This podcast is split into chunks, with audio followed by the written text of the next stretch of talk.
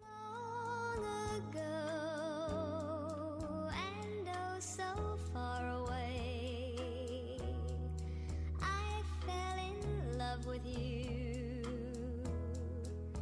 before the second show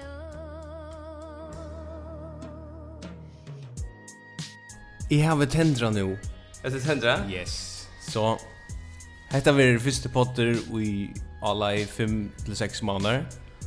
Ja, vi då vi då har haft en länga ferie. Vi Yes. då har haft en rättliga goa ferie. Ja. eisne. Og vi er eh, offisielt ute ur uh, til føreska samfunnet, det vil si at vi vanta ikkje at nekar timer at lort etter okkur, så Nei. kom det som tingene at det er atter. Nej, det passar.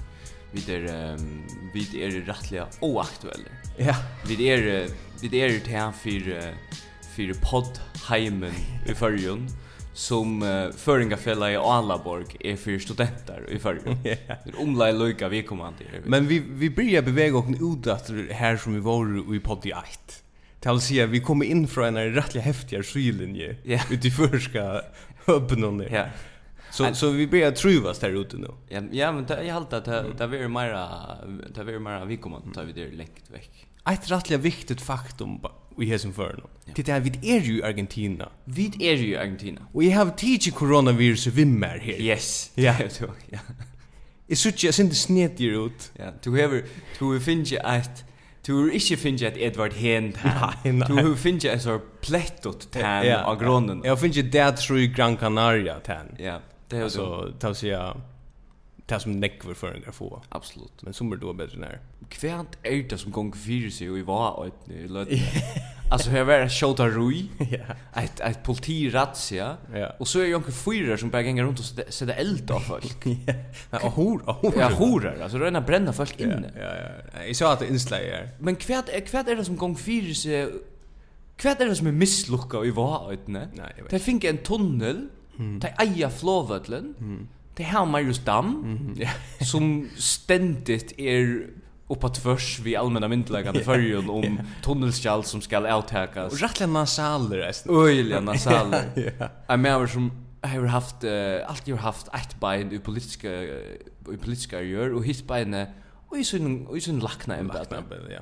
Jeg vet ikke ordentlig hva skjer, men altså, jeg husker, jeg husker, jeg har- jeg har bare hva at jeg var vansøyren skiltene. Vansar. Tog jeg til er, altså, hva er det til? Alltså hvis jag- hvis jag föringar kunde valt till väl i USA så är vansörer stämma på Trump. er Det är vansörer är öjliga the rust belt. Ja, ja. Det är öjliga midwest alltså. Det er, det er en veri Iowa. Det er Ja, veri ja, ja, ja. en avgjørende svingstat. Fullständigt. ja. Fullständigt. ja. Du har bare lukket innskott her, vi vil gjerne få det her inn, rett og tullige her. Yes. Det er det at Inge Poulsen Ja. skal lade være ved å terrorisere følger. Inge Paulsen. Inge the tall Paulsen, guy. ja. Ja. Han skal lade være ved å være alle stedene, Ja, det er ok? alltid, ja. Det er bare et innskott, Ja. Her er ikke argument for just det. Jo, altså, vi lustar det så sankt den sjånen, Ja, ja, ja. som han bare forklarer, ja, altså, måten er ikke ranger på, at det er at jeg velger en setning, Ja. og så gjør jeg sankt. Ja. En setning. Det er är inte gott nog. Nei. Det er är inte gott nog. Nei. Det eneste fighta vi Inga Paulsen til det at han har finnje Danny Baldersson er vera lukka som nummer 2 i fyrr. Til at Danny Baldersson spiller under Jeg til Inga husker Paulsen. Danny har tapt just nere. Danny har tapt. Ja, ja. Og altså, jeg helt at eh, Danny and DeVitos, eller hva der Ja, er det, ja. tar våre, altså, synte for uh, simpler og i sin tonelage, tar er for nek rope, Ok, ja. um, Derfor er det, hei. ja, og, og hødde jo ikke nylø. Ja, akkurat, ja. Men ehm jag håller jag tar hade Mario Björn på en inch pulse här. Nu börjar det eskalera för ju. Du har redan i Vavon, Mm. Ja. Kjota Ruje, og du hører så her, at det er som eh, sett i elda og bartes vi en fyr i en hava. Ja, nämligen ja. Og så leser jeg at onker i stundje onker i Klagsvøk at han har et tjekk om um Trump. Okej, det är ju vi. Det var forskjell som ikke annen. Stakk etter tjekk om Trump. Ja. Og det som hendte var at det er det fyrst, det er det fyrst diskuteret Trump. Okej. At det var tre ting der diskuteret. Ja. Fyrst var det Trump. Ja. Det var garantert vært Trump. Ja. Det var ikke vært Trump. men Nej, det er är Trump, ja. Og eh, nummer tvei var det var det som kom det vujer til amerikanska forsøkta vel. Ja. Så det diskuterar det. Ta det blir ordentligt ska lära. Ta snacka där om tre världar bara. Ja, okej. Och så s- säger han stack i stingide, i stingide och så stackar han och i lärare. plus det, plus det at nu i jar så Men läser men kom på på hur kan man vara osamt runt tre vera lävare? Det er är ju ett hypotetiskt fyrbrykt. Alltså du kan ju vara osamt rum och i kvön mån därför det er händer det inte. Nej. Eller det kan du ju se ändå. Eh, Men var det inte en parta i havn om också omkvarvsalaj? Nej, det var eh, det- last year det var en party om Holocaust. Att han pratade om Ja, Holocaust. Mm. det var holocaust var det, ja. ja. Jag vet inte vad det är. Apropå det här så sa jag en sån här stupida crowdfunding i förrjun. Ja. Och vi har så här nu inte hope fucking sujene. Ho, Føringar fannar i ho, føringar fannar i vi brukar ordet hope. ho, Hope. Vi må alltså ho. vi må ha ett annat ord in här. Alltså massa eller mångt eller Ja, det är ju till en kamera. alltså hope fucking. Ja, nej. Det det jag så till vildarligt. Ja. Ja men nej Hetta er aldrei er hope future, så vi vet ikke hva pengene er færre. Det er det som man lukkar som hukser. En hope future som, Ja. sitat, skal være vidla stola verskatlandet som stafester, er at føringar bjarga og jötun Nej. under ørenverelda bare det. Hva er du sett her? Det sa jeg, jeg vet ikke hva hope future eh, Okej. Facebook-geskjeft, A vid bjerg av jötun. som allar iverskrifter i førjun er at føringar bjarga og jötunun, altså jötunun, og så Ja. sier jeg, tja, um, tja passar ikkje. Nej, det var så. Det kan godt være onkur føringer vær onkur stedene og gjør det okkur, da. Og det er så det det handler om. Det er onkur inngifter, halve føringer onkur stedene, som gjør det et eller annet, du veist. da. Akkur sort eh, Sarah Mahfoud eh ja. Föringer etla eh, Hans Lindberg Ja, ja. Föringer. Men hadde reisner av først, det er at vi halda jo at vi er i verden, Ja. Sjalt om EU 2 sida 16.000 km vekk ur fyrjum Ja. ja. så halda vi stadvekka fyrjar i verden. Ja. Och kosse vill man eh hatjar halta och och visa viring för eh, holocaust minnen någon. Mhm. Jo det vill man göra vi att sätta sjönägna av kvar var förjar i öllnäst. Det handlar inte om jötarna, det handlar um om föringar. Ja, om ein föring. Alltså, Som bjergar stjäl- ein um om jötun. Ja, ja, stjäla ett kollektivt trauma. er Ja. Det är det som föringar gör. Ja, vi tar så eisen finns jag den där holocaust den som Ja. som Heinrich Skorne rönner att ta patent på. Ikke bare henne i skåren, eller skåren i familjen. Ja, att familjen är er bara samlad till ett eller annat Träff. Men alltså, visst det här var också alltså, jag, jag, jag, alltså. Så jag kan ge stu. Jag hade virligt att man att man säger att att vi ska vi ska vi ska minnas det. Ja, jo, det är fina grejer. alltså. Showan skulle det. Ja, ja, ongar er Men- jatter och allt det där, ja. Men eh, men visst det var onkel Elsa, visst det var Danmark Ja. och det var en släkt Ja. som stod fyrd. Det är En klan. klart. Elleman Jensen Ja, tek bara fullständigt, ja. patent på Holocaust. Vi Fullständigt. eja Holocaust. Tror jag generationer av och i skårene och så och så partnern tja och i skåren. Det är så kanske är det. Det är en stor konspiration. Tid är det inte jötar. Jo. En annan er fyrir som jag måste haka fram.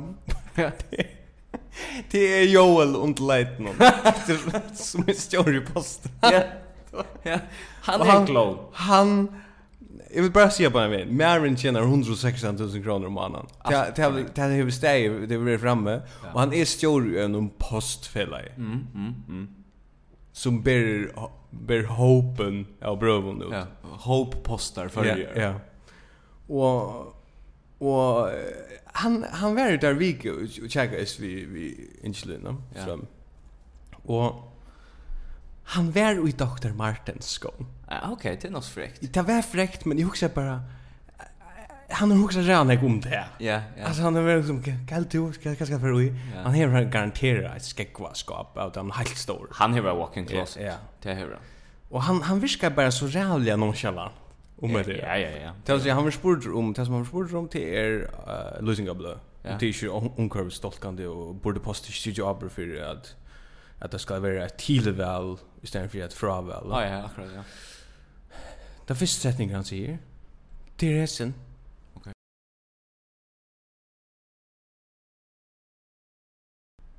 För det första så har ju så testamenten här så så finns ju också till det att att eh, passpoängen och så hade jag rösk. Bära bära när gå ut och och och och testa det rös för det. Okej. er Ja, kvad. Kvad. Kan ta session göra? Alltså kvad det er lukar som okej första trade för att göra ditt arbete som post på. Ja. Det er är att bära tingene ut. Ja. Det er är faktiskt eisen den enaste trade. Ja. För att kunna vara ute i vischem. Ja, ja. Det er är som man säger fuck. Eh okej vi eh, vi har några sopläggar i en fyrtöga Mm. och för det första vill jag säga att folk måste olja väl upp Ja. till uh, arbetet Til arbeids. och, och det då otroligt väl bara vara till arbetet. Ja, ja. Ja. Man har en sån klassisk klassisker neo story här snär. Ja. Som bara brukar sån sån mila höve till att se och rosande om sån starf.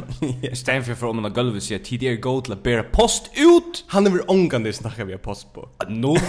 Noll han är väl inte. Han sitter och är i hand alltså. Och han här är sort han här är sort eh, vi vi hunden och han sitter. Akkurat som Ja, eisen, sort ja. sort en sån tryckan så Sån ger vi verskal. barn, ja? Angela Merkel eh, ting. Ja, ja. Han ger my det God. alla tvis. Oh my god. Ti- Han har sett det från omkring då. Ja. Och bretsk och juppie eh stjora. Men du han är skatteltrös, ja? Alltså så semi skatteltrös. ja. Men kvi er det såleis at sånne som er stjórar og, og, og tjener nega pengar, Ja. klarar vel at vera skattelotter, men tar man ikke stjóri og ikke tjener nega pengar, så ser man sin butter ut tar man er skattelotter. Ja, ja. Han hever dette her, nei, men jeg er, eh, jeg er f- sprenedande fotler og i testosterone skattelotter, lutje. Okej. Og så dutje jeg opp i Dr. Martens. Ja, ja. Han är ju goa skäckor. Det var hur jag säger för att vi är där vi att han är en sån en sånn eh, libertariansk stjora. Ja, ja, Eh, fullstendig. Du jag prövar checka hans argument för eh, alltså att det change är mega blätt. Okej. Det är blätt check. Ja, ja. Alltså så som helt är till att banna lösning av blön. Det det handlar som så inte om pengar. Nei, Det nei, det, halter- det er et, eh, ja, ja, Ja. det er blettjekk, ja. Det handlar bara om okej, okay, heter det Haver Smart Josh. Ja, Hans argumentation, det gör så ser. så er det etterspurninger. Et, etter svøren. Og så lenge som du hever til etterspurningen, så vant jeg så lenge jeg hever til vøren. Det er, lo- vi har nok ikke gjørst det hvis vi, hvis jeg ikke kjente på det. Uh, etterspurninger er det, så lenge en etterspurninger er, så lenge er vøren her. Alltså kvar Nei, her er det ikke etterspurninger etter reklamebløven fra FK. Det er det ikke. Det är en efterspurning från fyrtögen till det är sälja mer Ja, ja, ja. allt. Tror jag folk vill köra det Ja. att eh, det är bomba i gronna vet du och säga okej här är er en margarinpatch för 5 kronor men Ja. kvar men man bara slappt veck från det Ja. Och hvis man vill ha det så kan man alltså be om att få det utborrat för att de är öliga röske utbärare. ja Och jag Men- måste säga att det är vi efterspurning er ja, man bara känner vi tog i principen om kvar för Ja. ja det är det här har det upp och efterspurning Mm. ja och här du bara till princip ju Är det nu är det här- är det här eh, är det här ojbor i mannaatne att man huxar ut på ett spår. Det är inte oj arvag arva stranden som fortäller när om ut på ett spår. nej det är jag tror Og hvis du er stjåre, tja en er i utberingar fyrirtøke, Ja. som hever monopol av marsknaden, ja så skal du kanskje eisen til å hoksa om, hvis det er sånn at det er gom folk ute i underfyr, eh, etla, Ja. etla, av stronton, Ja. som faktisk dama få FK løsningablei Mhm. heim til, så kunne de hava okta hitjo i. ja Hvis det er det eneste de hava hitjo i, ja så er det det som er problemet. Så skal du bæra dem med nekra bøk, ja etla en avis, etla Vi skulle okkurt. alltid till mer alltså ta så för alltså jag är under och fjord någon sort. Så vart det liksom ehm spärrkassar som bara böcker ut till Yes. eh, till eh, till folk. Ja. Vi skulle mer in här. Meira inn her. Och mer en tuffle stjora. Ja. Alltså en stjora posta som tuffler som är som är mer tobiansker ute Så ja. ein eh, ein eh, ein Sigurd Lamhaugen nir her. Ja. Altså nutje landsfjørstjør. Han hever går. Han är väl går. ja. Han hever går. Så er tas mig rätt sig vis när jag är inte vi på. Jo, Nei, er under ikke vi var jo light. leiden, i behøver ikke. Nei, vi behøver ikke. Det er ikke. To um, Klaksvøk og Norrager har haft et godt år. Två år. Gå två år. Gå tvei år, ja. Det er- det er- Strugant. det er- det er- det er, eh, Klaksingar vunnet jo uh, Løkningsvelle. Fullstendig. ja. Fullstendig, ja. Altså, Och och FM. Og FM. Ja, vad var det? Og ta stinker seg, ta, ta kjemi sjån det sinter meira hybris og i klaksvitsjena og norrajar enn det lango er. Mm. Jeg les mitt landa at ta luste han han her, stay, han han her finaldagen ta i hab KI og 26 spalte sista distan Ja, ja, ja. om, eh, om uh, landskappingsjena. Og ta, dette var så sk- skriva allan av finalene, til jeg tok en sånn samandrott i Norrløsnån. Og ena stand ute i samandrosten hon her, det skulle lysa hos stemningen var, så er det en iveskrift her det stender, nastan som og i Premier League. Nei, det er det Nei, ikke. det var det Det ikke. er det ikke. Nei, nei, nei, nei. Det er ikke nästan som i Premier League. Nei, nei. Ta i ta i 5000 fermentera i norringar komma så till havnar hitcha ett fotboll. Nei. Det är det alltså Det er inte. det ikke. Nei, nei, nei, nei. Men ett annat ett annat mål som eh, som har fyllt mig Det är ju sjön det är strui i mitten utgören och eh, havna. Det Ja. är oispunna Ja. eh strui i mitten havna som bara tar alla pengarna och utgören som vinner alla pengarna Framlæsle førjer. framlegsleførjar Ja. ja. eh, og konsumtionsførjar. Ja. Og Og her er- her er det så veri, her er det tvær aktörer som køyrar rettelig heftigt inn i Facebook, som er, by the way, sjolver, jeg synes jeg har er endar vi er gjerrig, Ja, det er jo rettelig rabiat. og til nega som jeg får arbeid vi nu. Ja, ja. Men, der er ja, så den ene som vi pratar om, Arne Eriksen, er Solfin Hansen, Ja. som, jeg vet ikke, arbeid estrøyden i Loksjord. Jeg tror ikke han var til. Nei, jeg tror heller ikke han, jeg Nei. tror han var et hologram. Ja. Men jeg held han er verilig, da. Ja. Og hin, til dere gode gamle vinner, um, Hjalmar Sakariasen. Så, og jeg tror helst ikke han var til. Nei, det tror jeg Det er har vi all, Ja. allmänt uttala. Men det viser kanskje at det viser kanskje hvordan lengt uh, Norrødger er fra havnen egentlig Ja, ja, på ja. alle manner. Men det er kanskje minst ni Hjalmar Sakariasen, det er han har jo pratet nek om det vi tunnelen og norr om fjallet, så han har jo bare pratet om Mm. Ja, tunnelen og faktisk norr om bare, fjallet.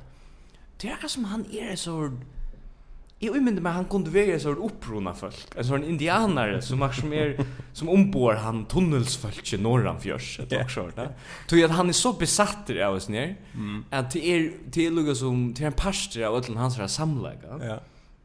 Og så Solfin Hansen som bara kronist hever illt i røyvene av at det gonger vel i havnene. Ja. Og altså tidligere så er det boa fyrarna kan man bara sige. Ja. Hvis det er så forbannet ringt av bygd, Ja. Flyt så til havnar. Ah, Yes. Og hvis det ikke er så forbanna ringt av bygg, halt så kjaft. Ja. Jeg tror ikke høyre på at de kommer. Nei. Altså, stående at de kan ekne... eh, Det gjør det folk for, hvis det var ånøgt vi anker vi skiftet i samfunnet, så stående det er en fellesskap som arbeider for det. Det gjør det ikke, det sitter bare Facebook eller annet. Men jag vet inte vad jag säger vi alltså typ när att pröva och googla urbanisering. Ja, Det är ett alltså det är ett 300 år gammalt hotell. ja, ja. Det är alltså och, och nu tar man bara slunge runt vet du så är det bara något det bara själv vill och urbaniseringen. Ja, ja. Urbanisering. Googla det. Ja, ja. Och såg det att förjar vid är det inte örvise. En annan Nei, land. nemlig, nemlig. Folk vilja byggva i mysteriet. Ja, ja. Färdigt, okej? Ja, ja. absolutt. Men det finnes eisne um, Det finnes eisne nøyre folk av bygd eller i sånn større byen Mm. Til dømt Runavik Her finnes nekva typer som som vilja være havna folk Mm, mm. Altså som er sånn Du vet Ja, eh, ja, Du vet ja, det ja, eh, ja. Fått Yes. Fått Ja det Ja. fått av det Og Og ein type som Rævlig gjerne vilde, vilde være havna folk Ta en bo i fyrjon Mm. 100% har råkni vi Nu bor han som i Danmark Mm. Men nu renner han kom att fyrjar er, Så lika i mittlena Hvor er det? Det er Ole Poulsen. All the posts. Og til deg som ikke vet hvor Ole Poulsen er, så er han forren som hever sånn blond sandhår, sånn beach hair. Ja, ja, Han brukar neck beach ting i håret. Og, og, og, og solbriller. Alltid solbriller. Han har alltid saltvatten i håret. Ja. Jag tror han er är sån där går sån går pjuskot eh, Og godlhår. jeg klarer ikke ordentlig å bestemme meg om jeg er vi på Ola Poulsen, Ja. Er eller om jeg er slett ikke vi på. Är jag sitter hundra vi på han. Ja. Men problemet er med allt är rocknar vi han bor ju i Vejle eller Ja, Alltså i en sån mursteinshus, du vet det. ja, En en eh, ett plans Ja. villa hus. Och där rocknar vi talar sin remote till honom. ja. Han er är inte färden att han väg. Nei, nei, han er mer, han er, han får til, jeg halte han gjør sånn for Michael Learns to Rock. Okej. Alltså, ja, du vet. Ja. Och så är inte ordentligt för en vujare Nej. härifrån. Men han är öliga keyboard. Yes, han är er syntare. och du, han eh, är den värsta med en sån sändig utdrag nu. Ja. Här är ju 34 som gärna vill göra hauna men Ja. eh, mötas. Men Trutje- under under en annan. Nej, han var inte, men han, han helt av fått drag nu. Ja, det är okej. Men eh, så huxar jag att eh, det var redan fett att här med tror jag poppar hittas det var Niklas Johansen Mm. eh Ole Poulsen och Bodchansar Hans Poulsen Okej. Ja. och och alltså glivra folk och under Yes. genga mockas. Ja, ja. Hette fight glivra bio och allt det där. Mm. Så man hör Ola Poulsen snacka. Mm. Det är som Hva fuck? Han snobbar akkurat som han rönner snobba ner efter hur maten han snackar på. Okej. Men det är mega snobbost Okej. om, om utger um- bara. Ja, ja, ja. Han snackar bara um med utger. Och det sitter bara och snobba Okej. om om sitt Ja, om ja. sitt virksomhet um så spelar där en sang det var onkel såna här som blev ju nu du fyra fors och var ett hit i förrjun. Ja. What the fuck? Ja, ja, ja. Anish kan det för sanger. Nej, men förr blir jag öliga autorefererande land. Ja. Och förringar generellt här till er bär upptigen. Vi er är bär upptigen och själva. Ja. Ta ena Det är så vi motväkten vid hava. Ja. Det är ta i hans holm er är och duckar upp och kring vart. Yes. Och säger också om verna. Det är ta det förr stämplar in i verna. Det är public service. Här kommer hans holm och fortäller dig hur hur världen ser ut. Ja. Varsågod hans holm. Ja. Ja, alltså Old Paulsen alltså. Han han vill vara han om. Ja. Så också är det så han så sänder det. Han är ju i ödlan tonlägga sänder. Var en solbrunn alla då? Ja, ja, självan. Så så sa jag så sänder det som att är är er, Reimer av stä. Ja. Så konstigt säger jag så Nej, jag känner. Och och ta er Old Paulsen här och och och snär. Jag och Zachariasen som bara dor ödlan instrument. Ja. Er nægar ur, ur skoren i familjen, familjen ombo? Nej, Ja, tyvärr. okej. så och och så satt jag också hukte det ner och Det visar sig att det er är jävliga nekko föringar som är föringar till Nashville att jag kan sanka upp. Er det det? Ja. Okej. Och det er är jävliga fermentera att alla föringar är föringar till er Nashville. Jeg tror øyelig fermenterer. Och kan ni ta en country sanko? Country. Alltså det er du kan gå och Ja. säga ka- country. Ah, Kan du inte säga? Og så får jeg ut at han har, og er det stig. Ja, kan ni ta kan ni ta en country sanko och kan ni få en eh, en cowboy jag har haft och jag vet inte. Men, hva gjør så fyr, altså, sånn her, hva skjer det han eiter? Ein av okkara uh, super country uh, Ja. gospel sangaren Magne Kristiansen. Hattler? Magne Kristiansen. Eh, er det Mag- ikke? Magne Christian, ja. Magne Kristiansen.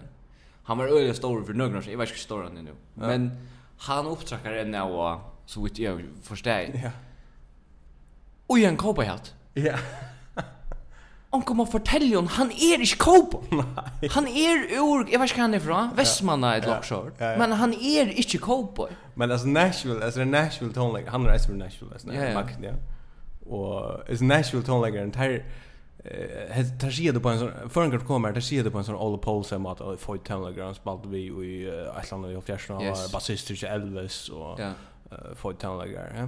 Och så kommer det där och Nashville tonlägger man ser sån upptugg att det där möta Nashville tonlägger. Ja, Och och Nashville tonlägger är som tagg i handen där man och säger hej hej, det var ett spela. Mm. Och ropa förrän. Men jeg blir Snyta! benka. Yes. Ja. Snyta förrän. Ta vita at det- det er mange penger Ja. i fyrrjun. Ja. Då vi har redan nekva skron ja och ehm jag har för nå eh han breka jasta fällskapen i förrjun. Mm. Hemma frier. Jag har bara för nå. er Nej, Hur topp, hur topp i styrt dem fri? toppeska toppeska. Jag har fattat topp i hur slett inte tidigt han har problematiken i Olvara. Här har han inte. Jo han tog han först först säger han eh att det skulle bara du vet inte Nej. lusta efter larmen någon där tror Ja, jag. ja. Och så tog han det in till fond. Gjorde en sort handshake manöver. Ja, ja, man brukar som boilat- boilat vi handshake. boilat vi handshake. Toppet du väl vi Milo. Och, och så Leot ja. Ja. Men jag också i var en er chat om elbilar och det kommer innan så hemma fri. Vars to i en chat om elbilar? Ja, så är ju i någon eller något. Och Kvar vars du Nej, till? bara vi i en kantin ja. Ja, okej. Och i en kantin. Ja, och i kantinen här som Okej, jag arbetar. Ja. Och hemma fri blev så årsens år och det var ett få extremt när jag var rumt. Vi blir Alla inte stan. årsens år. Nej, Nej. det var ganska nästa. Så så sa de tjaka som är um elbilar eh, och så hörde jag något intressant att eh, en förr säger mig det kan vara en det är faktiskt en avbjöring för blind folk Ja, ja. Det är fel ju. till elbilar inte larma. Ja. Och så imyndi mig bara att ju långt hemma frir för ut och i sitt virksomhet att slötja larm. ju större sannolikheten det är fyra att er blind folk för att skapa en front emot deras fällskap. ja? Huxa det. Huxa det om fyra år ta igen när sina estra i huvud framme. Ja. Kvar kvar kvar- kvar fjorde vik om omkring um larm i trö- Trøttanes. Hon är er bara hon är alltså hon är allergi mot er larmet. Det Ja. är som fel. Ja. Ja. Och jag var blind fuck för jag ska mig ifrån. Ja. Det är 100%. Eller så får man såg att det- att det var fler blind folk som får komma till skia. Ja. Alltså är larm läs som Ja. det Och sina estra för skyltna. Ja. Det är han som är skyltna.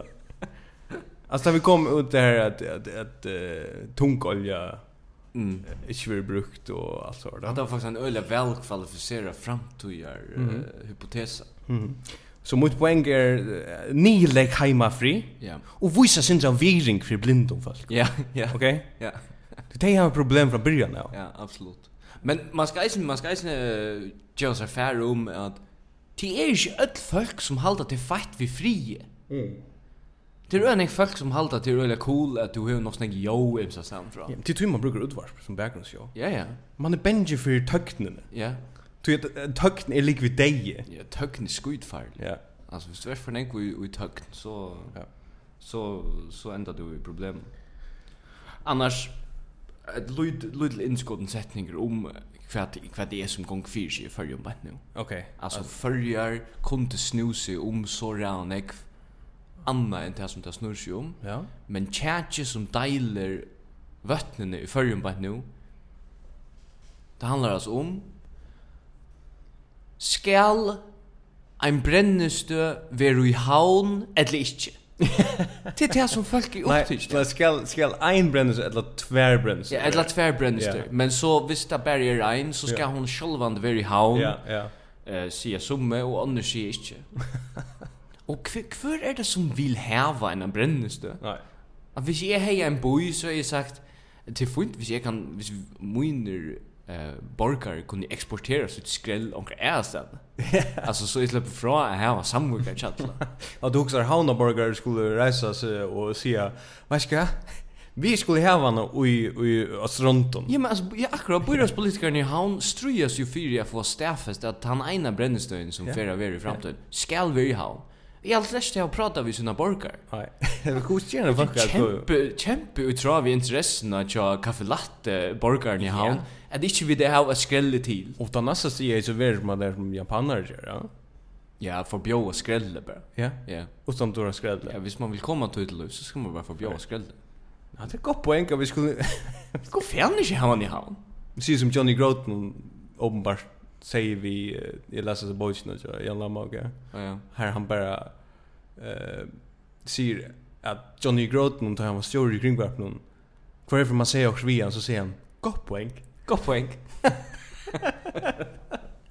Kvar är för kvar är för man säger också vet jag hade inte att boy Godfrey ska vara värst i mer. Gott poäng.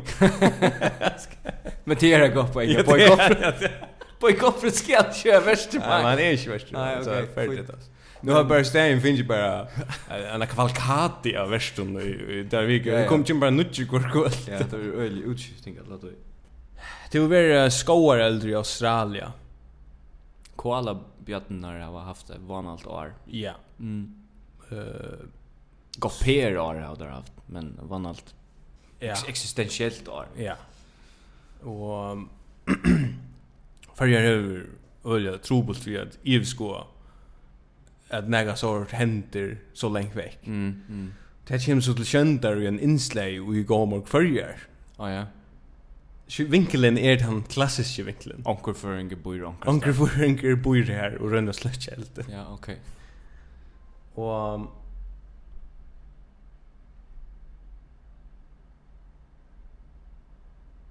Lat onkel høyra kvært i um, eh, henda spurningen som, som man spyr sjølvande, spyr man henda spurningen, ta i man tossa vi hans fram person. Okej. Om nu till skulle till att slötja vera vid la slötja eldarna. Hur helt det ver att skulle slötja och i slukon hit att att ur värne vi att vera i kulta. Da det er eldre, så er det altså, er det hårdt om, om, eh, om det er i Danmark, eller det er i Følgen, eller det er Sverige. Ja. Elden er som det er, det går ut. Så, så det skal nok gænge, det skal nok være. Ja. Elter Ja. er ett globalt förbruk. Ja. Hvordan heldig du, for du er venner ved å sitte Vi svina av hon. Ja. 6 6 grader Ja. och slöscha eld. Och i mån till att det är i Australien vi akkurat samma eld, eldtemperatur. Ja. Absurda spårningar. Føringar er slags uilatner til at vi halda seg til verden. Det er bittlis til. Ja, men Ger, vi ehm vi har snakkat om uh, Jon Lund Leitner, vi har snakkat om Ola Paulsen som vi driver Ivo om om vi damer eller inte. To to är synd mer Det er vi pro på, alltså halvt- här. halvt Ja. i lei. Och och och Inge Paulsen som vi driver vi på. Ein fyrir som hever totalt uh, eskalera og, og færen ur samkom i hø- høpe og inn i ta vanliga samfellet, mm. hauna samfellet, mm. virslønna samfellet. Mm. han han var han var ett han, och han är ett big shot innanför samkommet. Ok. Hva er det? Det är Jekvan Zakariasen Aha. och Jeg halda unga det har han prata, men jeg... Ja, Ja. Du ska släppa höra. ja ok. Han ehm, han hever akkurat som en eh, du vet hur det är. Ja, ja, ja, jeg vet. Han är som pastor. Yes, yes, yes. Han er Og- super, super pastor. Och hvis man hickar efter hans här Han er veldig amerikaniserar i alt som han gjør. Yes. Ja. och han hickar efter hans här videon från från, från samkommet. Mm. Så så sänder han där lunch. Ja, tar och kniv. Ja, och han och han han är stor på sitt publikum. Ja, ja, ja, ja, ja. Hinvegen, ta han så trakkar inn i et sort, et sort uh, stov, stovnar til fölkje. Ja. Uh, han tog, tog mot en virslön för pappa sina. Mm.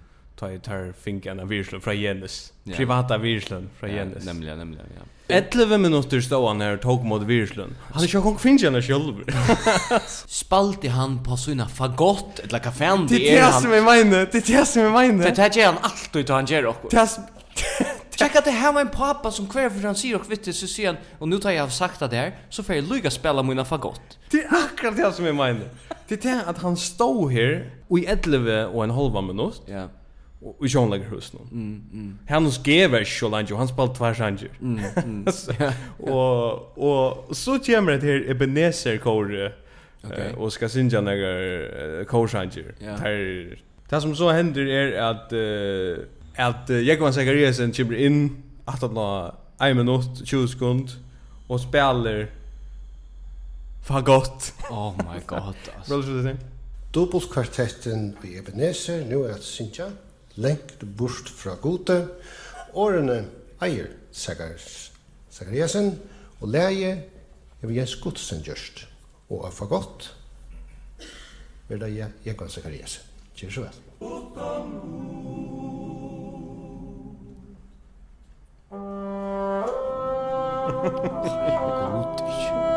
Jag heter honom.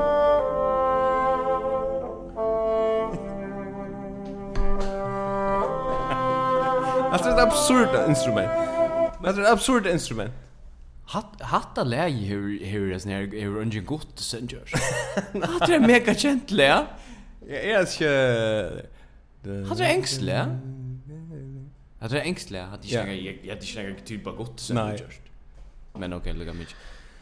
Troblagen vi har sån här eh, Jekvan Zachariasen så heter han. ja.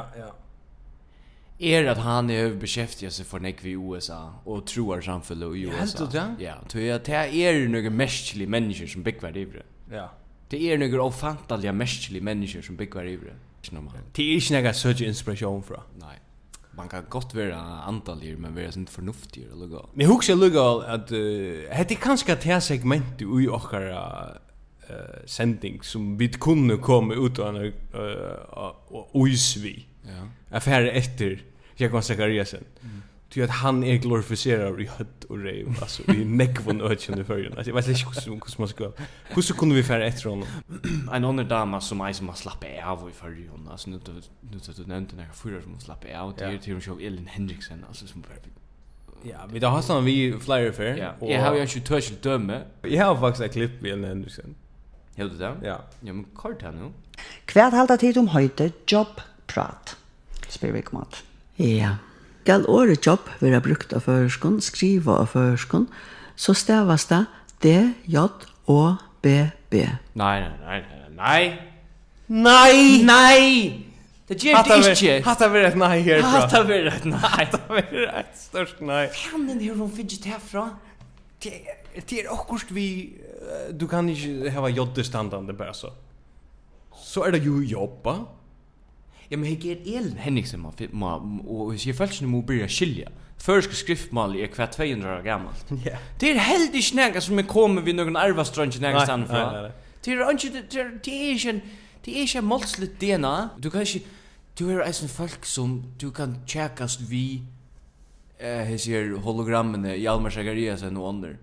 Og så får de alltid inn å snakke om eh privata oknaratten. Att du kan kränka privata oknaratten. Men hig er det er helt ikke nær naturligt fireblikt. Det er negativt å funne på. Jeg vet ikke om jeg har sagt det for jeg har aldri sagt det i en podcast for lenge du siden, men året kvalsputja av førskolen Nej. som eitir altså til spudje av kvæl til altså er okkur nokkur showman som har døpt det det er ikke Ellen Henriksen som har utgivet det navn Nej. og her er det da Agua Viva Okej. livande vatten det er fem måneder da. ta man sier ta bøttene peika og foreldrene sier hva er det hva er det der pappa jeg hadde en kvalspudja banna ekkvislig sier vi banna kvæl og spui her Ja. og så sier du bøttene i okkur så Ølja William Heinesenskt Ja, ja, ja, ja. Agua Viva Ja, ja, det gör som en en Livande en vatten. eh, en en tonlager capping för det klassiska tonlager. Ja, en fan gott kapping i Finland. Jo, kom vi lukka, vi lukka tagga der vi, eh, jeg tog jo koron- coronavirus eh, Ja. vi mer i brer. ja, 500 folk er deg her til. Det er ikke en egg. Nei, og det er også anker sier, for jeg køla da nyer, at det er flere folk som er deg av influensa Ja. i sånn period. Men, um, veist du hva coronavirus er? Ja, Ja. hva er det? Ja, men veist du hva det kommer fra? Ja. Ok, Det kommer fra... det er atle jeg kanskje å bo der. Jeg vet eh, hva det er, kommer fra. Du, det har snakket deg om det. Det kommer fra... So sopa de murcielago. Ok, F eh, f eh, fl f hva sier det? Flå, flå, flå, musar suppo. Ikke det ok, det kommer fra? ja, ok, det er så ikke det som jeg har hørt. Og hva du har hørt? Eh, Jeg har skilt länen att eh, det som i världen är hänt det här kineser eh som som urslit är och tar förbanna vanliga mätstandarder. Ja. Här var producera eh coronaviruset och och sån farme eller så där. Åh, Eh och det som är så hänt det är att er eh det är det ju slanker här. ja. Og Det som er hent i coronavirus, det som er så søs, altså ødlene døma, det som folk sier, det er at en slanka hever eti en flagermus, som hei en virus i seg. Og så hever onker personer gjørs oss vidt her slankene. Ah, på tamadan. Uh, eller okker er hent, vi kjenner, middelen av en slanke og en menneske. Okej. Det som, det som så er eh, man sjølvande hugsar til det at hvis kineser bare blir eta, jeg vet ikke, tomat, eller hvert, Hackebuff. Jakobur. heter heter heter. Og her vil jeg bare si eisen det at eh, vi har snakket en lost om førskap med at Ja. men jeg er sinder, jeg husker, for jeg slipper undan coronavirus, så hei jeg heldur et en hamburgerrik. Ja, ja. Altså, Ja. et bare hamburgerrik, Ja, sen for et et- en slanke via sinder av flagger. Absolut, absolut. Och Eisne, alltså Kaffean mexikaner, mexikaner hava hava produ- hava just eh, corona corona ölna. Ja. Det er banna sint att kinesiska myndigheter bara bestämma detta virus ska heta coronavirus. Ja, För fucka brand du. ja, ja, det er akkurat det. Det funkar inte. Ehm, jag har eh, några som ehm nu tar jag to nämner med att Ja, kom, jeg har nekko med at. og hvordan folk forhalda seg til med. Jeps. Vi da har pratet med det um her fyrt, har i føringar sessast vi er bor, om det så er til en et, et sånn nottra, og i samband vi er føringar eller varsle, eller om det er en stor døvre, Ja, eller morgumedarbor. ja. Morgumedarbor er kanskje særlig i vikeskiften til føringar, er jo øyla, det er det er ganske, det er eh, ikke luftfyllt, Nekk vrunst ikke. negronstisjer. Og argumentationen är alltid ja men alltså jag fick 16 för uh, Ja. en gåan prus. Ja. Ja men du kan stadigt bara köpa fyra. Alltså. Negronstisjer. Og så setter du, så setter du alt det her fram av bordet, ja. Ja. Og så hevur du mjölkina, du hevur uh, eh, av endlar grund eta folk uh, paprika, altså pa piparfrukt. og ost til dem så. Og Du heldur ikke det, ok? Nei, det er fem ikke normalt. Altså, det er ikke som gjør det her stan. Men eh Hade vi skiva och en ost i förra. Alltså sån dambo skiva och ost eller kostar det heter. Och folk som är öliga anal om att det är att att lugga till lägger ostarna på en tallrik och så ska lugga stinka en kniv in under osten. För jag lyfter den upp. Det är så förbannat klam. Jag gör Jag tror det. så öj skiva, alltså nere i packan och Ja, du får lugga som du du brukar tummeln och kniv ända till lugga som ah, lugga- lugga lite upp bra. För lugga som att att Alltså tar man fem i ut jag kan öl Iva som visse. Tar man er fast vid den här osten på andra Ja, man. ja, ja. Du vi blir fänga vi att köpa skiva och en ost. Köp- Köpa en ostakärra. Stora riberhus. Ja, det kan man hava. Ja, Men er- det ska man alltså, hava. det här, det här, föringar, föringar brukar kniven som ett holkon, Ja, alltså det är det er äpplen. ja, Tek liksom äpple upp i. och så flisar, och så flisar det. Man Ja. flisar. Ja. Äpple kommer härifrån. Och Ja. de äter inte äpple på den här maten. Sp- eh, Argentina. Ja. Stora mark. Men ja, hon eh, hon att det första tinget som jag skrev ner att hon har vid eh, stäcka och Mm. eh i första september. September. Det var eh, i samband vi att hon krävde just rastkött och är inte en sån typ som doer att skära en sig. Nej. Sunder och i parstar. er Nej, det du ju helt. Det är uppenbart att ölja, man får ölja hur hans sociala kapital är att doa till. ja. ja. Sälja man skorar när går västmanna jenter. Jag tror ju rökning vi. Alltså och ofta är er det det här som ska till. Du ska inte stå, du ska inte doa för en samrö, men du ska doa att skära en sig. Då parterar jag. Ja. Så är så er är ju hur jag säger, förska mäter. Ja. Förska mäter har också vet säga med att primärt. Mm. Är anatomiskt Er vishem.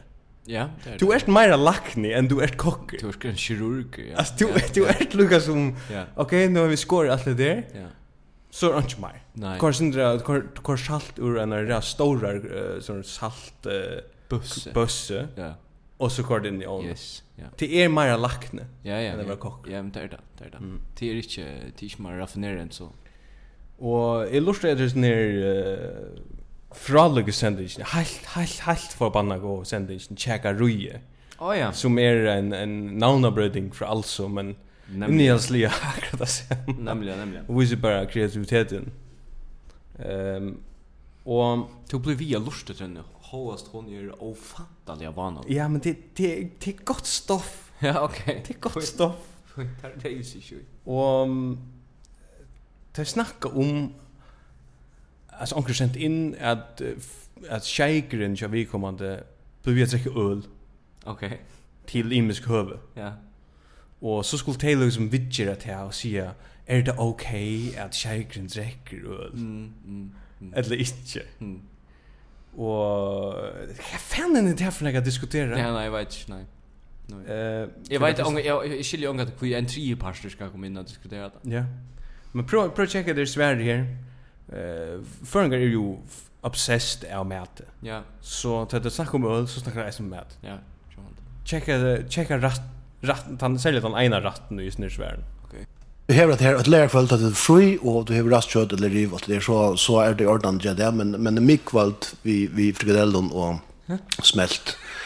Det er alltid ikke i ordentlig nøye.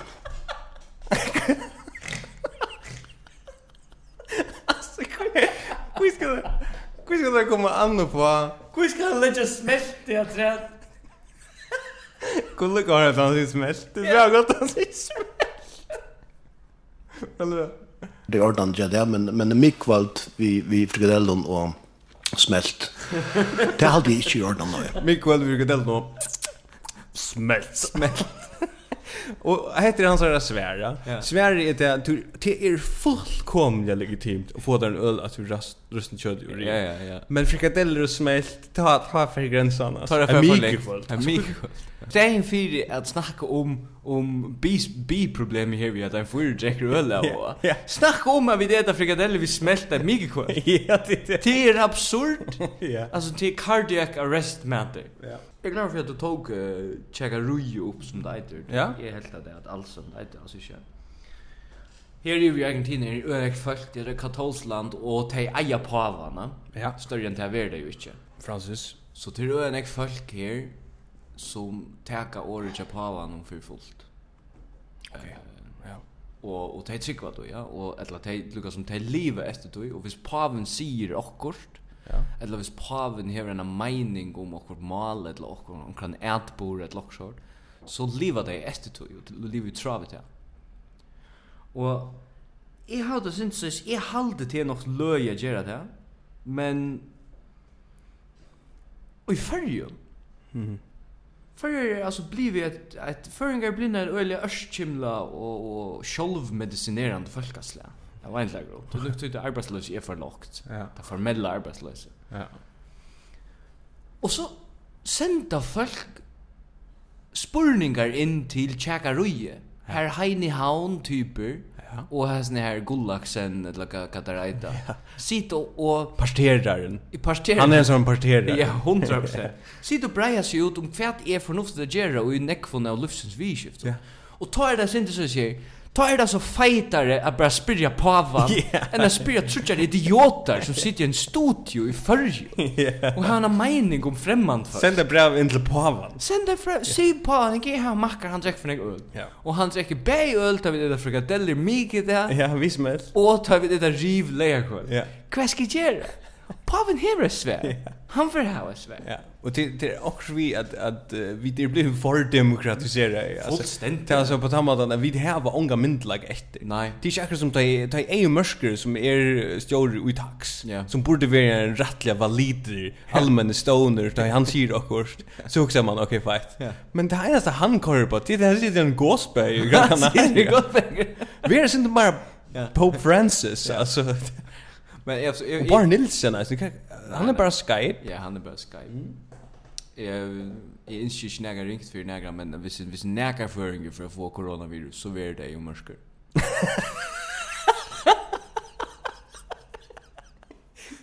Tui, han er for nekva sånn støv når det kommer nek Ja. turister. Det är akkurat det. Jag Og sa et han- gåspe om næka, altså, Ja, ja, er råkner vi oh. styrker effekten av en Ja, ja, koronavirus.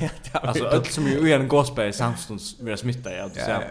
Jag husker att det blir bulter att komma på den vägen nu då. Det råknar vi. Alltså jag hoppas det händer, men jag läs- alltid han ska vara försiktig och kanske Så så så huxar om det. Det är spel som eh, det mest downloadade spel eh, på App Store. Mm. Här man ska spraya en eh, pan pandemi Ah, ja, passa. i alla världen. Ja, Och ta alla trodblåsa till att komma till Grönland så. Ja, okej.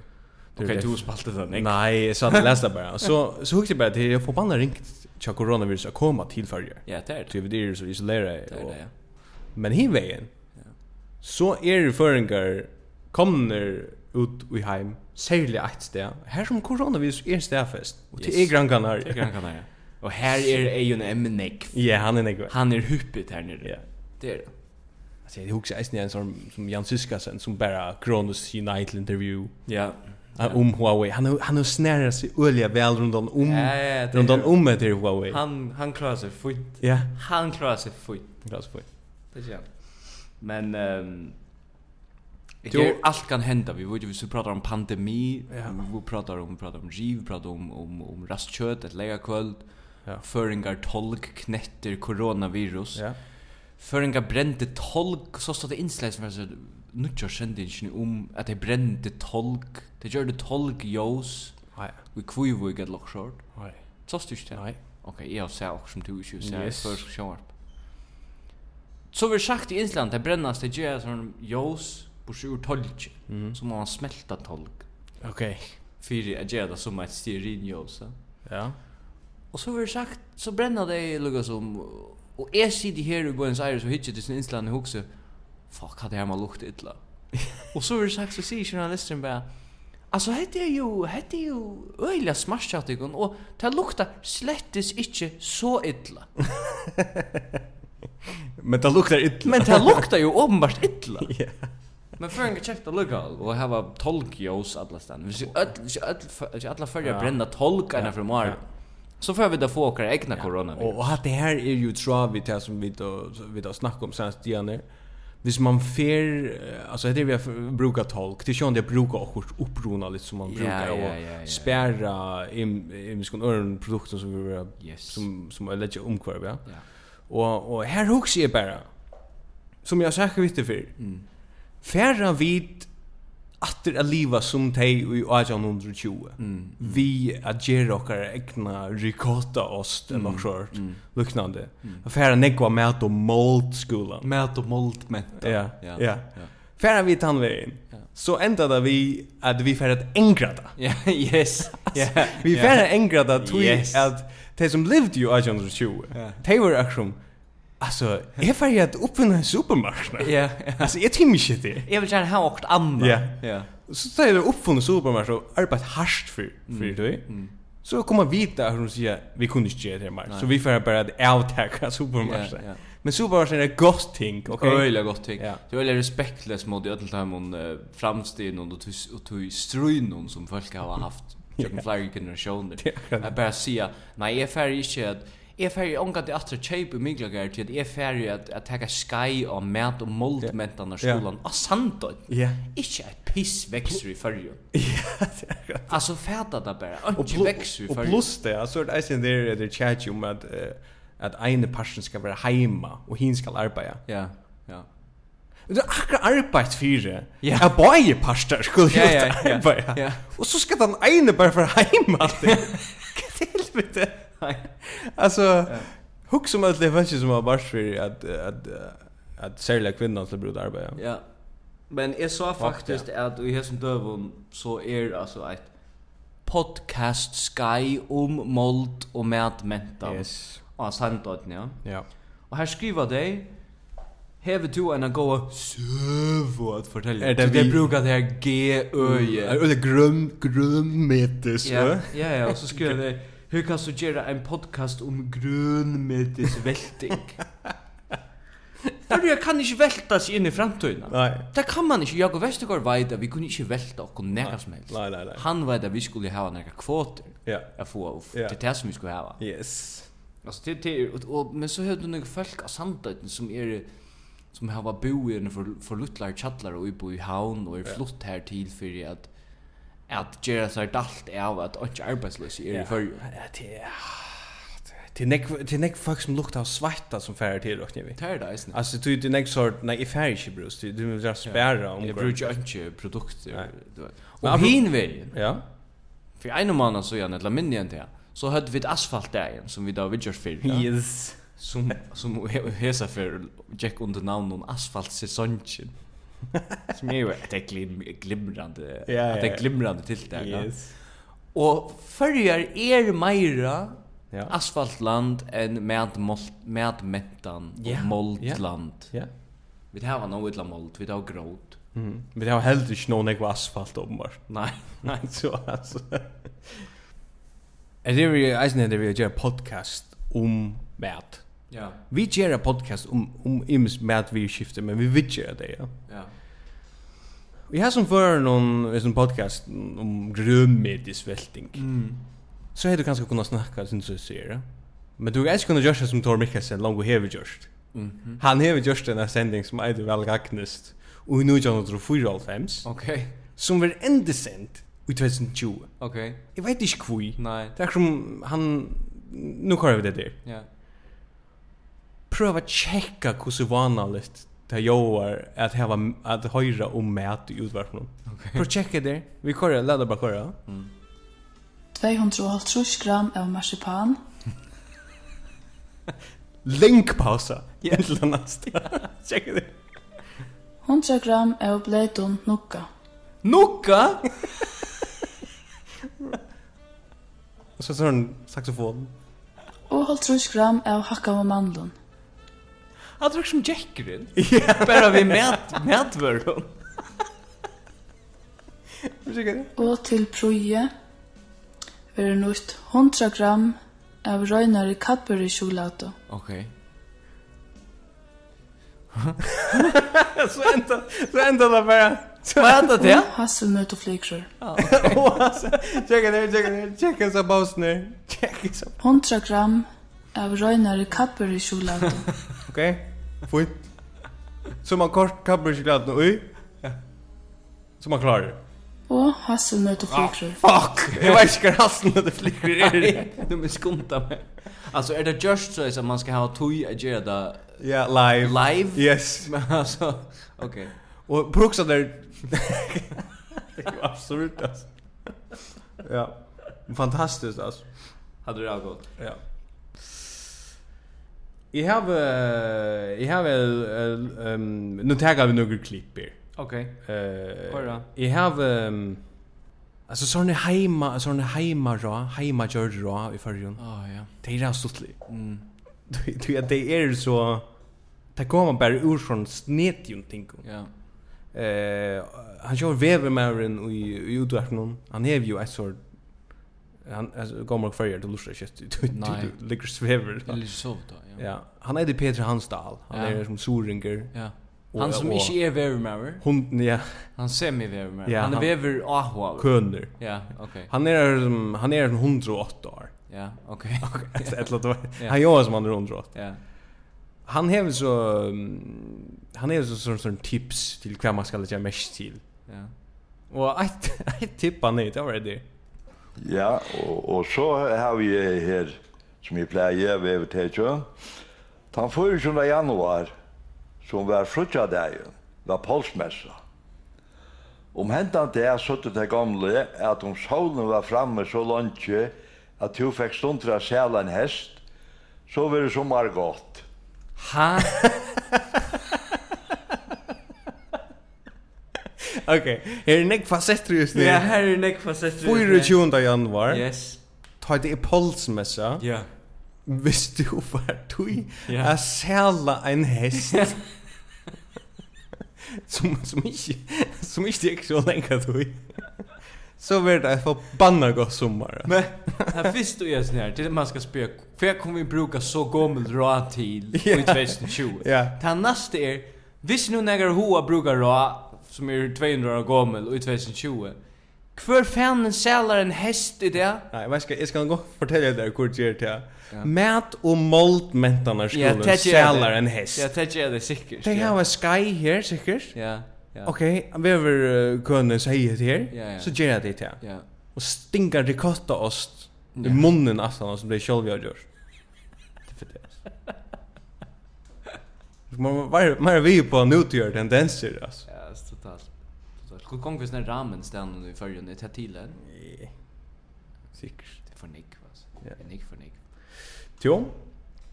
Ehm det er til kommen ein eh, ein nakra nutjar røtter og i røtter ja. Ja. Røtt, nei røtter ja. Røtter man vera. Eh og i og i kringvarp. Tär det, ja. Det Ja. har lagt mest till. Ja. Ja. Og og nakra dem er er nok så stuttligare. Sommar är väl ett när, Här sommar så- är inte väl ett när. Ja, her er særlig ein som ein som heter Trønder Olsen som er nok så Ja. beklagelig rødt, eller sånna forlatande. Jeg synes Han det- Ah, han gör kroniskt för harmar. Ja, han er for hermar om Ja. Jeg vet ikke ordentlig hva det henter Ja. Du vet det altså, Ja, ja, nemlig. Jeg er statt i Brek- Brexit-forhandlingen Han jeg vet tog ikke, ja. väl. Men han är Ja, han- en för harmar rött. Du vel Og han er en sånn Sånn nok så Tullia Uniholm i Hansen rødt Ja, 100%. Ja Inntil han ble der vikevers Ja. Eh, Så det skal nok køyre vel til honom Ja. Hinvegen Ja. Er det eisen ærer Nå husker jeg bare Menn Ja. Som hava Ordentlig skru opp For sånne Sånne utvarsrødt Mm. mm. Fyrste fyrir nægran i utvarpen, og så snakkar man Og det er snedd Projekt der? Heit ja fyrlesen om vær, røtter og vantjer, kvann leiklod hever heime og steie fyrir samleikan tja ungdomme og idea. Fyrir skal inni viser å at førsir ungdomar er jo virkner vispelarar og gjennom altjåa omkvarve, men at de samstundes varveida et størst stegartilknytte til følger. Hade jag hade gånger.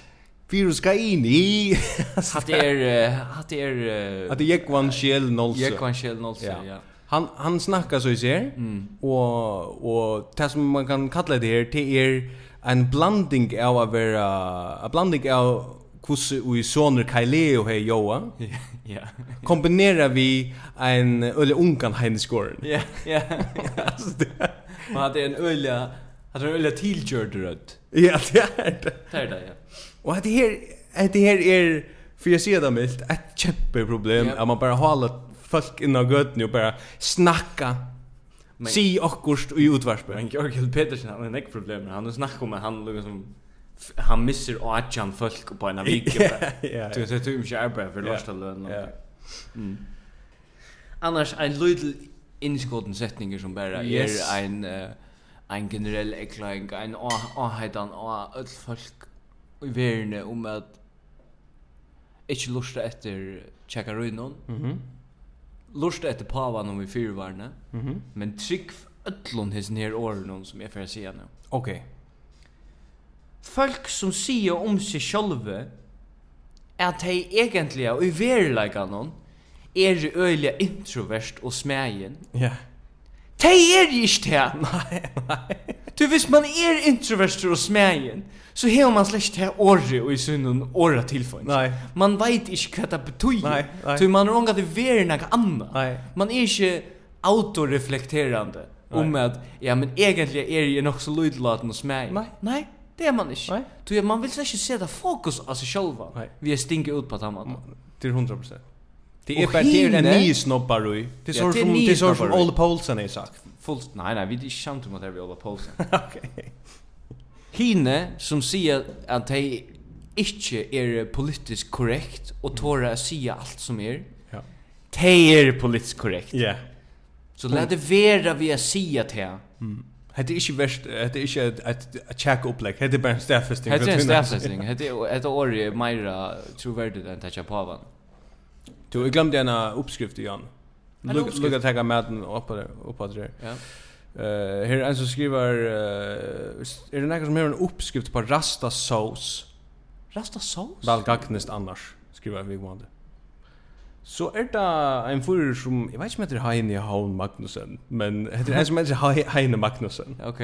Som sverar, nemt nok, tak vetuna ur steigiplaten her bøyen er litja, og støyt i ena gryte. Ja.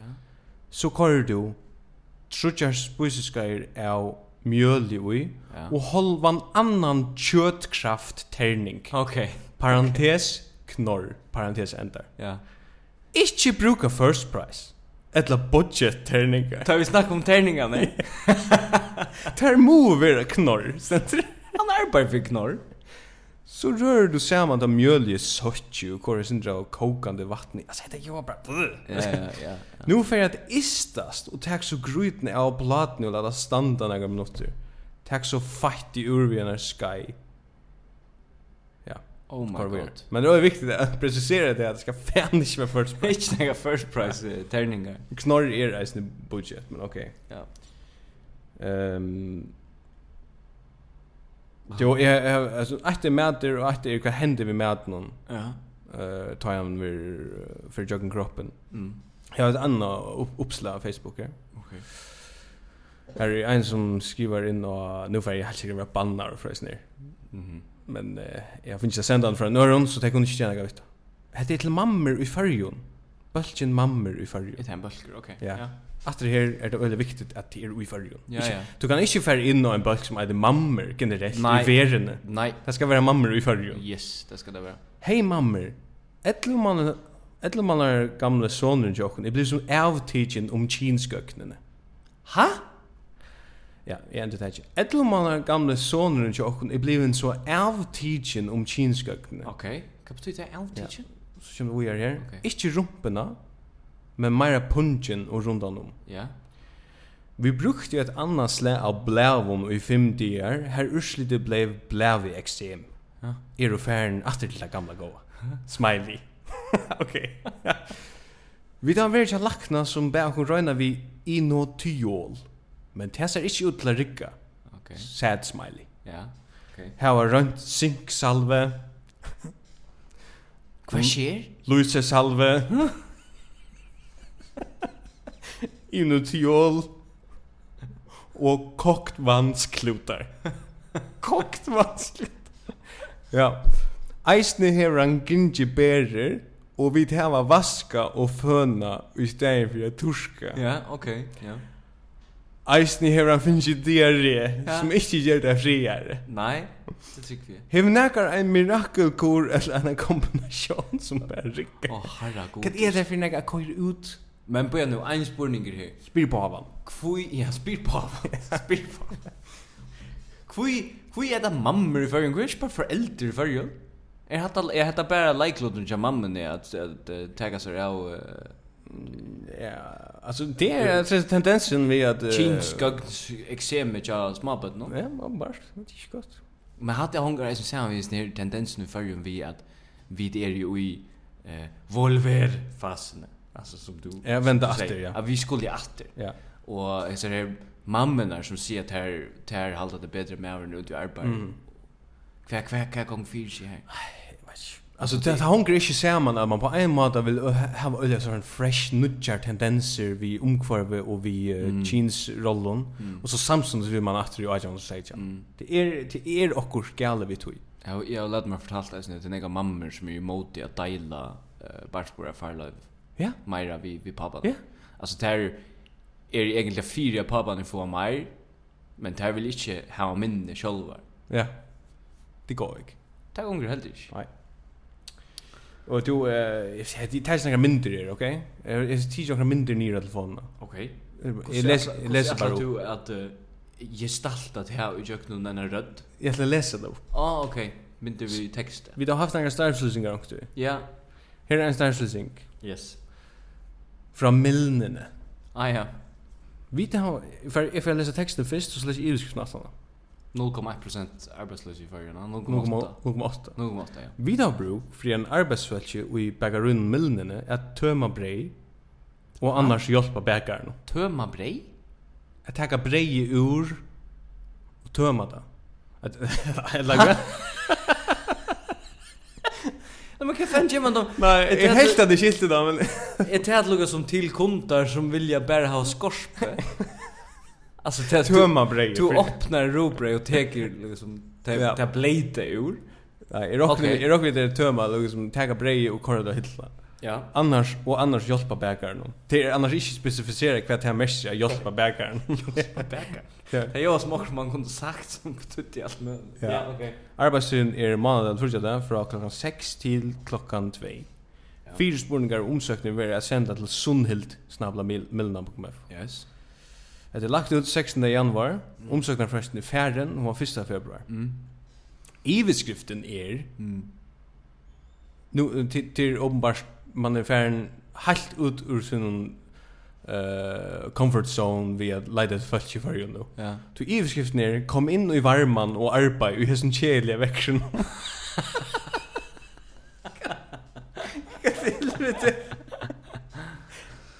Oh my god. Alltså. Ja. Til å si ja. Det skal være vekkere som avgjør Ja. om du kan arbeide med den. Det er är säkert finns ju några några samskiftes fyrtøg jag hjälper Ja. dem vid att finna nudla visst ju sig just 100%. lösningarna till att det. är. Ja. Plus det at, uh, altså hvis du tager med den, så er det, her er det tver typer. Enten er det den typen som ikke er, er uh, frintlig, Ja. eller er det den typen som er Med 130% Iver frintlig. Frintli, ja. Ja. Og og sum tær her i middelen hadde nok i allar i ærlighet ikke finnes jeg et arbeid hvis ikke det var så at det var 0,8% arbeidsløs. Det er det, det er det. Men hesten er foran, som jeg mener vi, eh, som er sjolv eh, person, person, personaliseringen av av til 130% frintlige for noen. Ja. Han er bare bedre brekke, Ja. fer inn til han, Han er en god maver. tåsa vi han, go mer. Han går med. Yes. Ja. Det finner man eisen her. Ehm Jo, ja. et lyte som er innskått her, Gunnar Hjelm stiller opp eh, til å være fagfellesformer, fagfellesboss, stansmann for noen. Mm. Alla alla luckor till Gunnar Hjelm. Alla luckor. härifrån. Ja. Vi vi vi eh, hepp på det. Ja. Vi väntar att du klarar det. Han pumpar vi eh, steroiden. Yes. Mm. Men er du det vi får på dem varjon. Ska vi snacka sen om det? Nei, jeg tror ikke snakk fotball. Hvis du hever okkur stort. Okej. Det finns en sändning i utarpen Ja, det gjør det, ja. som heter fotbollsprat. Ja, han har lustig faktisk nok så trygg for etter. Just du det? Ja. Hon er är ena för en vikna. Ja. Och Hon er eisen off-season. Ja. Ta i ja, det- fotball til ikke er i gang i følge. Det er akkurat det, og jeg, jeg sa en sending, uh, eller jeg lurte ikke etter, men jeg, jeg sa liksom, en ivskrift for det her sendingen, Mm. 28. januar 2020. Ja, ja.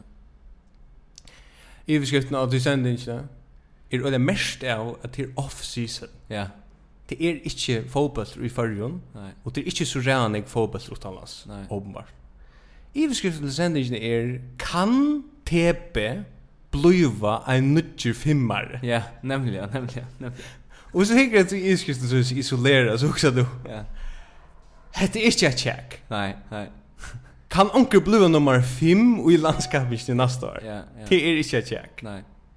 Men jeg, altså, jeg lustig til sendingen. Her er han ikke problem med til sendingen. Ja. Det første er at fotball til fær sånn ek rom som er tjekk eh, evne Mhm. ut i allmänna kringvar er for noen. Mhm. Det neste er at han ene av lottakeren som er kvørja fer er høyrevågnsførare. Oddbjørn Johansen hever vi fotbollsvenner, men mer vidande er hans høvesbeskjeftigelse. Jeg vil ha høyrevågnsførare. Aha, og neste servisjon er ganske røyn. Ja, Et til- akkurat Til okkur sort, da. Ja. Hin er ein rain man ur Klaksvik som bara teler. Alltså sure, snär Osa som bara Ja. tel. Nej, det var det fyrstan frysbörsk och Ja. det och det är öligen sant att vara att vi så eh höjle 12 av time och långt och det finns 20 minuter. Funt jag kan Osa. Ja. Kan fan just du? Och och så är det hin pro- hitt problem. Ja. Det är att Hesin er tjekk, hesin er tjekk formeren er jo til at alle kommer bare inn og sier sin mening, og til er iverrepresentasjonen av bygda mannen. Ja. Og til er sånn uh, Oddbjørn Johansen og Teide Johansen, Ja. eh, som bare alle skytas og bare råper på gråden og så ah, ah, hvor nør, ja, til å diskutere nu kjenn landstidsvenn, så er det så øyelig så ospesifikt. Nå, men jeg har bare sagt, jeg sier bare til at jeg sakner, nei, altså jeg sakner øyn, at jeg har bi om, det som jeg har ettersøkt vi Lars Olsen, det har vært en linje, at vi har haft, og jeg har ikke sett, og så sier jeg bare, nei, nei, nei, ikke samtidig, jeg kjører, jeg prøver samtidig, altså, jeg, jeg, jeg, jeg, så sier det på samme da, Ja, ja. og så sier Trønde Vattnet var mitt her i, i mine, og finner upp på setningar som inte är setningar. Han säger så som Ja, och vi har ju inte teknikern Faggy och vi eh, sitter vi sitter vi knapparna här och så har vi och så har vi det eh för ska säga eh ta fot ta fotlaste kotten eh, och i soffne och Ben Johansson sitter här. Och så har vi ett eh, en halvtomman lastbil alltså eh är det så att Oddbjörn är att er Lars Olsen bara blivit en halvtommer lastbiler. Hade er inte åratök? Han sitter och konstruerar målet. Varum allting er, er eisne... Varum allting er. Ja, og og allt annan lyka og så. Allt annan lyka er et budskaparligt begrepp. Ja, ja. Det er ikke nega at man brukar i en prat om tepe, budla fimmar eller ikke. Och så ser det konstant er Hej är närsagt att han tar av sakta. Du hever sakta. Och du köjer taxa. Du håller om lastbil. Jag hade inte lagt mest han. Er, er latrosen en hållt om lastbiler. Jag hade inte lagt mest han fyrir. Jag vet inte om han säger akkurat, men han fyrir sån i åratug. Ja, man går, ja. Som är heimagjör da. Ja. Och så sitter han och mobbar han den här faggy. Han er är helt inte spurst. Han den här som hever en vanligt borgerligt namn. Ja, ja. Man kan kalla han faggy. Nei, nei, jeg rör ikke, nei. Alltså spurningen är eh, är vi kommer här till att uh, Lars och Johannes er är det här är det halvfatta paret som har glömt uh, kvar likland lite. Et umange par er nær sagt. ja.